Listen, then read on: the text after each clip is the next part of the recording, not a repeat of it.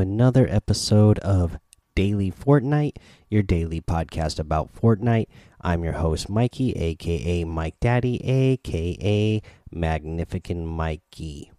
All right, tomorrow at 4 a.m. Eastern, we will have a new update.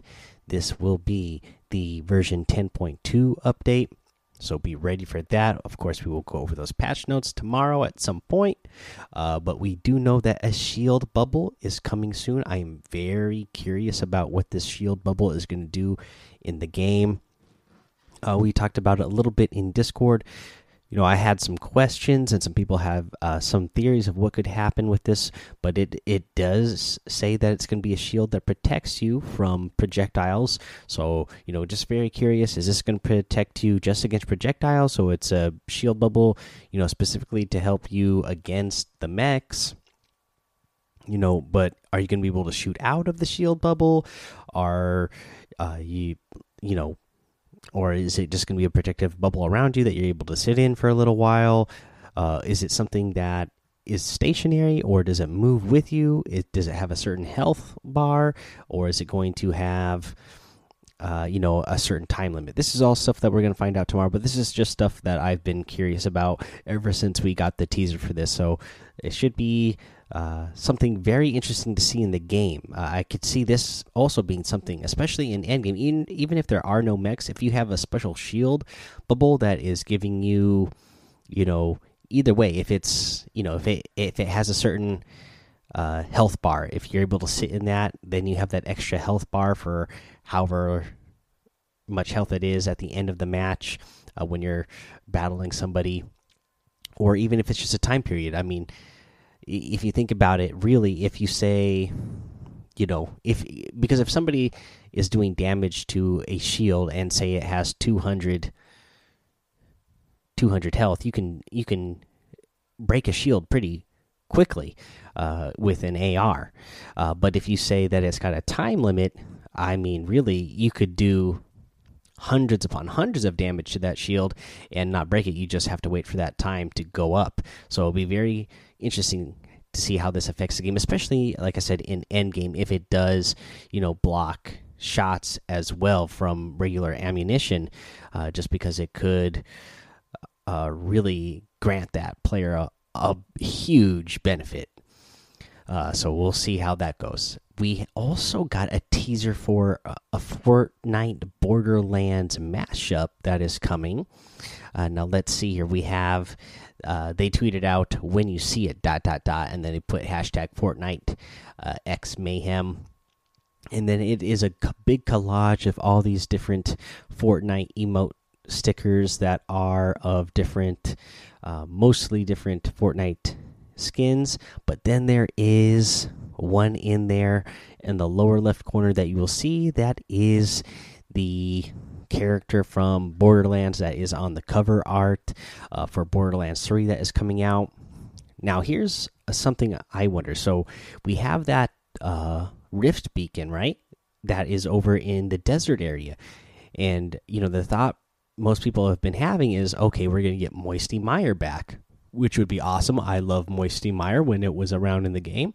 Uh, but I do love Paradise Palms area as well. But what if this? What if because Borderlands takes place in you know a post-apocalyptic uh, wasteland world? So what if you know we get some uh, you know you know the main line thinking is people think that there's going to be a Borderlands uh, outfit that's going to come out in the item shop. We could very well see that, uh, but we've had a couple of Borderland inspired Fallout inspired outfits that kind of look like, you know, that wasteland type of character. So what if since the Rift Beacon is in the desert area, what if we get some sort of Borderland themed area for a while since we know these new areas and these old areas that are popping up in the game, they're probably only going to be temporary. What if they temporarily put in a Borderlands 3 themed zone? That would be pretty neat to see. I don't know if that's going to happen, but I just think that would be something that would be really cool to see. Uh, but again, uh, a few hours after me uploading this episode, we will find out because the update will be out. Uh, but very excited for that.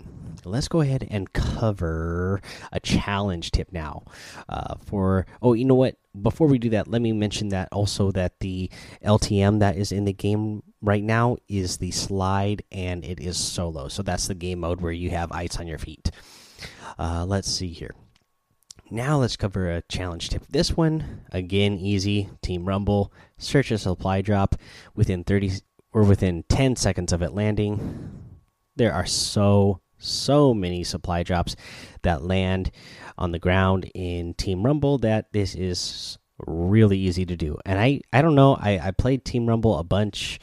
Um, I believe last night before I went to bed, just trying to get some of uh, the challenges done and it seems like I don't know if it's just me or what, but it feels like there's even more supply drops than normal. Uh, but there was a whole bunch landing all the time, so you should be able to get that done pretty easily if you head over to Team Rumble. All right, let's take a break here. We'll come back, we'll go over the item shop and our tip of the day as well. All right, here we go again with the item shop. Another good one, of course, because we still have the Phoenix outfit in the item shop. Love it. That spike clone harvesting tool in there as well. We have the Dream outfit back in the item shop. Absolutely love this one. One of my favorites. The Shard Break wrap and the Arcana glider we have the Luminos outfit. This is one that I love a lot as well. I love that this is like a, you know, bird looking, moon inspired guy. Kind of looks like an owl. I love the Astral Axe harvesting tool as well. Uh, let's see here. You get the Arctic Assassin outfit, the Batsickle harvesting tool, the Where is Matt emote, the llama bell emote, the light show outfit, and the very sneaky emote. This is a new emo. I like this one a lot. I really like the music that comes with this one. I might tag the music for this one at the end of the episode just because I love this one so much. The music for it is really cool. But a really cool uh, emote. Uh, it's a traversal one. Uh, your character is just, uh, you know, sneaking around, doing the tippy toe, uh, tippy toes to sneak around quietly. All right, guys. If you guys are going to get any of those items that are in the item shop, I would really appreciate it if you use that code Mike Daddy M M M I K E D A D D Y. And if you use that in the item shop, it helps support the show, and uh, I will be really grateful. Also, I'll mention it here and uh, this is basically like an ad. So I got this email from Epic today. So I have a creator code, right? And you can use that creator code in the Epic Game Store as well. And in the Epic Game Store, uh, you know, you you can purchase games to download for PC. And there's a new game com coming out called Control. And if it's a game that you're interested in, I don't know much about it. Maybe I'll look into it a little bit more and tell you guys more about it tomorrow. But if you already know about it and you plan on getting it from the Epic Games Store, I'd appreciate it if you use that creator code for Mike Daddy 2 because uh, Epic Games uh, emailed me to let me know that they are running a promotion for anybody who uh, buys the control game in the Epic Games Store. If they use a creator code, that creator will get uh, ten like it's an it's like an additional five percent uh, on the uh, on how much of the share they get from the purchase. So if you if you're planning on getting control from the Epic Games Store, I'd appreciate that too. All right, let's go ahead and move to our tip of the day. And you know what? It's about not building too high above your opponents. I still see when I run into a game, I still run into a lot of uh, the type of player that you know people would call a sweat. And this is the type of player who uh, you take a one shot at them, or you get into build battle, and the next thing you know, they're building like a five story hotel above you. Uh, and the problem with doing that is, is you lose track of your of the players really easily. I mean, again, you guys know that I've never been impressed with the audio in Fortnite, and I find myself when a player builds super fast and they get above me like and not only do they not just get above me by one floor or two floor but for some reason they keep going up and they're going up three floors four floors five floors above me uh, at that point it's like what the point? So what i do is i just back out of it you get too high above somebody you can't hear them and you can't track them. So don't build too high above somebody.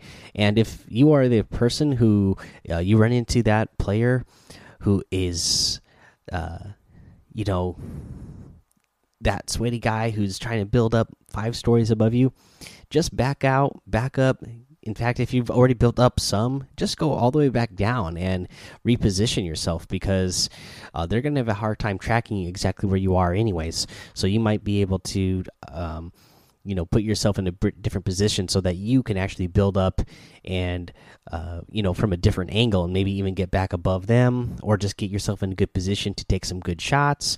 Or who knows maybe they build up so high above you so quickly they don't even realize that you went back down and you could start knocking that build down and they're you know probably going to take some fall damage if they didn't support a build uh, very well.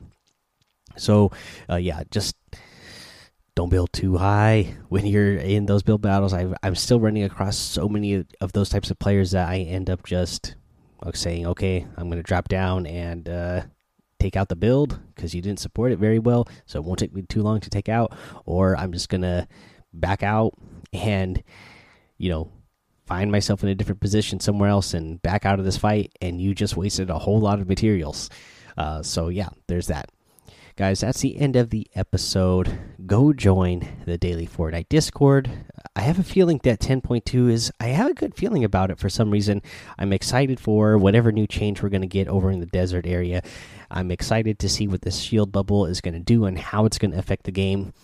Um, so yeah, come come into the Discord and talk to us about that.